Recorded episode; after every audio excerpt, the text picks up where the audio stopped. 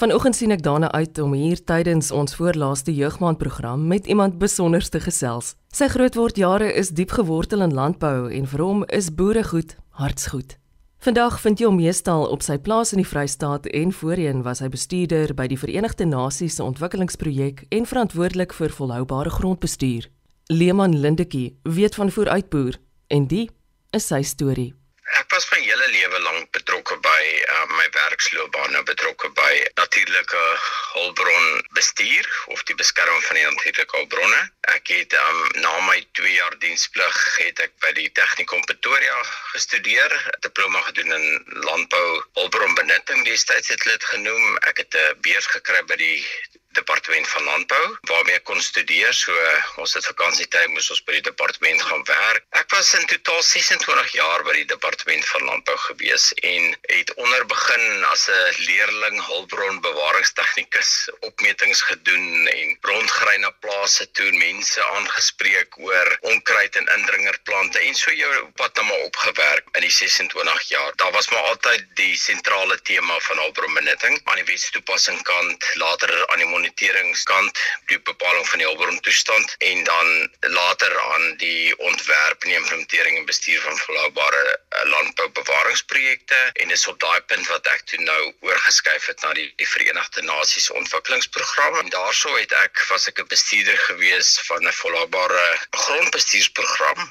En daai program is het gehardloop vir, vir basies 6 jaar lank befonds deur die Wêreldbank se arm hulle noem dit die Glover Environmental Facility. So hulle dis die omgewingsarm wat basies befondsing doen vir sulke tipe projekte. Nou saamgewerk met the Endangered Wildlife Trust, die Trust vir Bedreigde Natuurlewe, die WNR en ook Rhodes Universiteit. So dit was weer 'n nuwe uitdaging geweest, maar 'n groot hoogtepunt was maar geweest ons kon 'n positiewe bydrae gelewer het tot die beskerming van die hulpbronne. Ja, en sedert Julie verlede jaar is ek nou weer voltydse boer, maar dit het nie lank gehou nie want ek is weer terug om konsultasiewerk vir die Verenigde Nasies te doen. Mens bly maar altyd as jy eenmal in die bedryf is en dan wil mens altyd betrokke wees en maar 'n bydrae lewer. So dit in kort Eloise waar ek nou staan.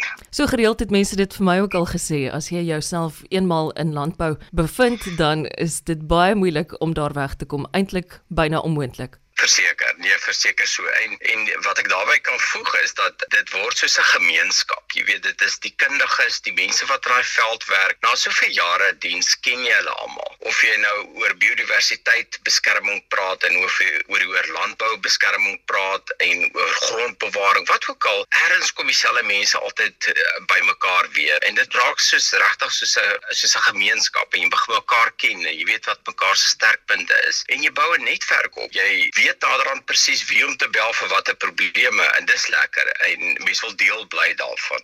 Jou loopbaan deur was jy betrokke by heelwat projekte wat vir Suid-Afrikaanse boere baie beteken het. Wat was vir jou van die hoogtepunte?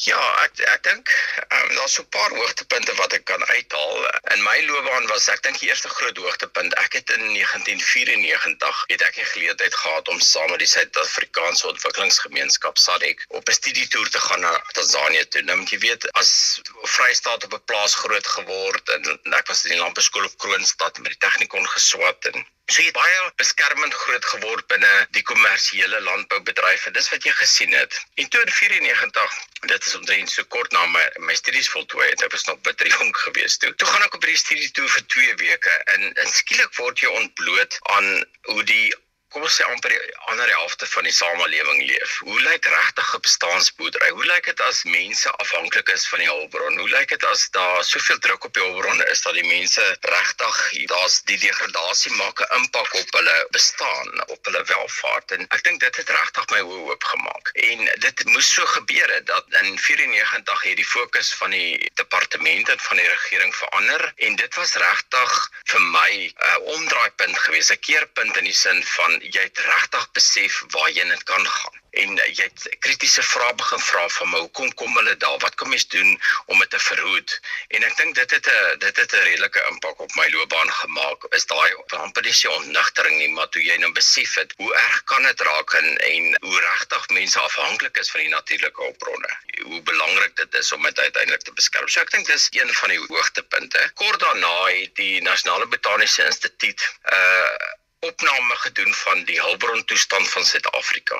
Mense sal onthou van die luisteraars onthou professor Tim Hofman was betrokke daarbey en ek het hom toe destyds gehelp. Ons het letterlik deur die land getoer omtrent vir 'n jaar lank, werkswinkels gehou in elke uithoek van die land. Boere gekry deur die boereverenigings om met ons te kom praat. Wat is die hulpbron toestand voorligters landbou tegnisie dit was regtig 'n ondervinding. In die sin van goed ons vir navorsing was dit goed ons het data ingesamel oor die toestand van die hulpbronne maar dit was so 'n leerkurwe want skielik kom jy in dele van die land waar jy nog nooit was nie. Jy gesels met boere in Namakoland wat vir hulle verduidelik hoe hulle strukture werk net so gesels jy met boere in KwaZulu-Natal of in Noordwes en elkeen hanteer die hulpbron anders en dit was regtig dit was eh, 'n uh, hoogtepunt tot so mate dat ek het toe nou um, ehm, 16 jaar later 'n soortgelyke studie onderneem en en ons het dit toe herhaal onder die landbou en voedselorganisasie van die Verenigde Nasies die FAO en daai was 'n leerskool gewees om dit weer later te doen. Dit is die tweede hoogtepunt. En dan laastens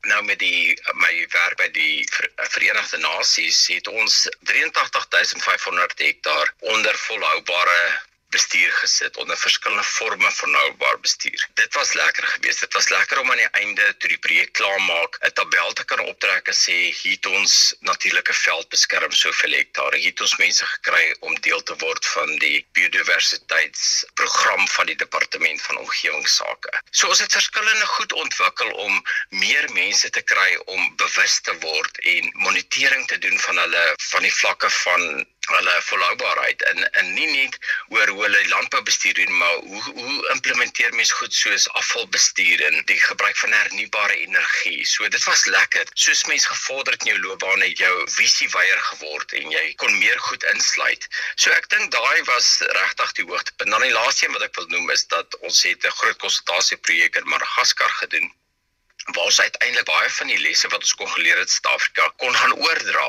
aan die um, regering in Madagaskar. En dis lekker. Dit is hoe mense loopbaan loop. Jy kry uiteindelik erkenning vir die bydrae wat jy gemaak het. Maar hulle erken ook jou kennis, jou ondervinding en om dit weer te gaan deel op 'n ander plek is wonderlik. Ek onthou daardie tyd baie goed. Ek het graag en gereeld verwys na Leeman in Lemerland.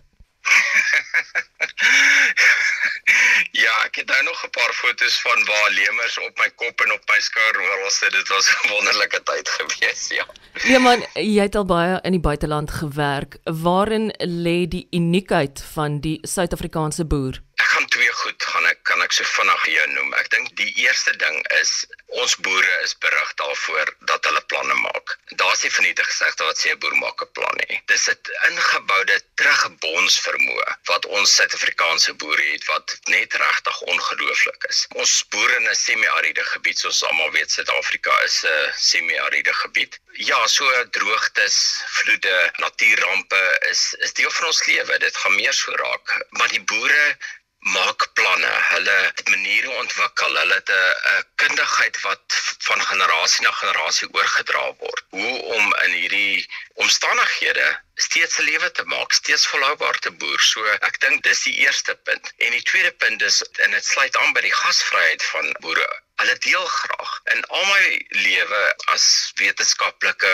werk by die departement of wat ook al het ek nog nooit op 'n plaas gekom waar mense as jy begin gesels met hulle nie bereid was om te vertel te deel jou toe te laat om 'n opname te maak nie. So daai gasvryheid gaan veel verder as dit en dit gaan oor die deel van inligting. Dit gaan oor om te help, om te help planne te maak, om te sê, "Wel, dis wat ek gedoen het. Miskien kan dit vir julle werk." En weet jy, kom ek gaan wys vir jou. Kom ek wys vir jou wat het ek hier gedoen. Dis miskien nie reg nie, maar dit werk vir my. En ek dink dis die twee goed wat ek kan opsom wat wonderlik is van ons boere. Te midde van beurtkrag, landelike veiligheid, die huidige ekonomiese klimaat en klimaatsverandering, waarom is jy soos ek steeds positief oor landbou? Ja, ek is van nature optimis en ek dink dieselfde aan jou kant. Ja, ons is geneig om dalk die glas eerder half vol as half leeg te sien. Maar weet jy, dit is eh, hoe ek dit sien en wat ek elke dag net vir myself sê, is dat hierdie goed is 'n realiteit en is gewoonlik realiteite buite jou beheer. So eintlik kan ons daan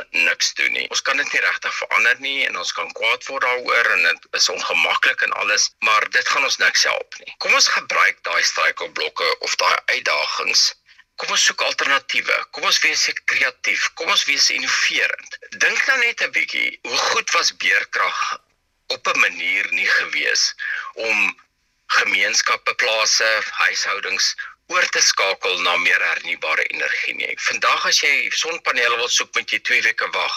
Dit is daar is so 'n behoefte want mense is net eenvoudig geforseer in daai rigting. Maar hoe wonderlik is dit nie? So Eskom het ons eintlik 'n groot guns gedoen in 'n op 'n manier om hierdie beweging te maak na alternatiewe energiebronne toe. Die punt wat ek probeer maak is ja, mens moet altyd net gebruik 'n struikelblok as 'n geleentheid. Dink anders daaroor. Moenie negatief wees daaroor en sê, "Hoe kan ons dit anders doen? Is daar ander opsies?" Kom ons probeer innoverend wees rondom dit. En op daai manier dink ek bly mens positief en bly jy 'n bydrae maak. Eerder as wat jy se sak en as gaan sit en laat hierdie omstandighede buite jou beheer die oorhand oor jou kry. Hier gedurende jeugmaand was dit vir my baie belangrik om met 'n gevestigde landboustem soos jy te gesels. Leeman, wat sê jy aan die jong boer in Suid-Afrika? Ja, ek sal graag vir die jong boer, maar ek sal graag vir die jong wetenskaplikes ook 'n paar goed wil sê. Ek dink die eerste ding wat belangrik is, is dat jy moet vashou aan jou droom jou passie en dit waarin jy glo. Dis baie belangrik. Uiteindelik, jy gaan 'n groot deel van jou lewe gaan jy werk. Jy gaan of in die landbou werk of watter werk ook al doen jy gaan 'n boer wees. En as dit nie deel van jou DNA is nie, as dit nie deel van jou passie is nie, dan dan gaan dit 'n lang jare raak. So die eerste belangrike ding is hou vas daaraan, glo daaraan en baie keer is daar goed wat oor jou pad kom soos geld of beter geleenthede wat jou al wil wegruk van jou passie af. Ek dink dit is belangrik om net jou fokus te hou. Die tweede ding is geduld. Hulle sê altyd 'n uh, ondervinding van 20 jaar vat presies 20 jaar. En dis belangrik. Mens moenie dink veral in landboubedryf dat jy vinnig 'n hoë pos gaan kry nie. Jy moet maar bereid wees om deur die drange te gaan. As jy boer, moet jy bereid wees om te leer. Jy moet bereid wees om foute te maak, te leer uit jou foute uit, by ander te leer. En so gaan jy uiteindelik word jy weer die kundige en die een met al die ondervinding. Omarm geleenthede. As daar geleenthede oor, oor jou pad kom, gebruik dit. sien die geleenthede raak. Ek onthou destyds het ons in 'n in 'n vergadering gesit toe professor Tim Hofman gekom het. Ek wou verduidelik nie, hy gaan nou hierdie opname van die hulpbron toestande doen en hy is 'n botanikus en hy ken die plante en goed, maar hy het absoluut geen agtergrond oor die grond gronderosie nie. En hy het daar gesê, "Is daar iemand wat my wil help?" En ek het my hand opgesteek en gesê, "Ek sal jou help." En my loopbaan het daai dag verander deur net daai geleentheid aan te gryp. Dit was nou 'n klomp ekstra werk, baie weg van die huis af, gereis en alles, maar my loopbaan het letterlik verander. So ja, en die laaste punt wat ek miskien kan noem is dat jy die argitek van jou eie toekoms is. Niemand anders gaan na jou kyk nie. Jy moet self jouself toerus, bekwam jouself, rus jouself toe, kry verskillende vaardighede. Um, maak maak gebruik van geleenthede en dit is op daai manier gaan ons 'n positiewe bydrae bly maak en dan kan ons reken op die jeug, op die jong boere om steeds 'n verskil te maak. Waarmee boer jy nou self, Leeman? Ons het 'n gemengde boerdery. Ons verhuur die landerye op hierdie stadium waar hulle hoofsaaklik mielies en sojabone verbou. So ja, ek boer met beeste en skaap op hierdie stadium, so paar lêne, maar dit is fantasties. Ek kan net sê om terug te wees op die plaas en voltydse boer en deeltydswerk is wonderlik. Dit is om weer na die natuur te wees, om net bietjie rustiger te wees en net weer die wonder van die omgewing en van die landbou, ons afhanklikheid van die natuur te besef, is regtig dis 'n seën. Waar boer jy? In Ryds in die Oos-Vrystaat. Ek is baie positief oor die toekoms. Ek is ek is regtig positief. Ek het in die laaste 10 dae het was ek nou saam met mense van die van die Europese Unie, van die Verenigde Nasies, die Duitse regering. En weet jy hulle het maar almal hulle eie probleme. Suid-Afrika is nie uniek in terme van probleme en uitdagings in terme van die landbou nie. Ek dink dis 'n realiteit in die oomblik as jy besef dat dit is deel van die lewe en mens gebruik daai geleentheid dan raak my sommer positief en klein stappies. Ons gaan nie die wêreld hervorm nie. Ons gaan nie eensklaps alles regkry nie, maar klein stappies op 'n grondslag en as elkeen net daar waar hy is, sy sonpaneel op die dak sit, kyk na sy waterverbruik, kyk hoe hy sy grond bestuur, laat daar nie erosie is nie op sy plaas, kyk laat daar indringerplant uitgroei word. Wat ook al klein stappies. As almal dit doen, dan maak ons 'n groot verskil. Maar ek dink as ons elkeen net iets doen, gaan dit uiteindelik optel en kry mens daai tipe van 'n domino effek dat dit net groter en wyer word en dis op daai manier gaan mens 'n verskil maak. Voormalige bestuurder by die Verenigde Nasies Ontwikkelingsprojek en Vrystaat boer Leeman Lindetjie.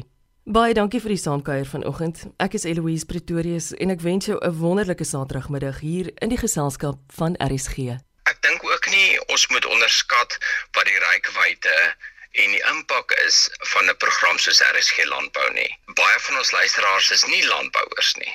En ek dink dit is 'n platform waar ons op 'n baie menslike manier op 'n storie vertel meer waar mense kom en hulle eie stories vertel. En op die manier lig ons eintlik die volk op 'n baie positiewe manier in. Ons ons dra inligting oor ons dra hoop oor. So van my kant af ook net baie dankie. Ek dink dit maak 'n reuse verskil en jy moenie onderskat wat se impak dit het nie. En ja ons is julle ewig dankbaar vir die geleentheid om ons stories te vertel en ons sal aanhou om dit te doen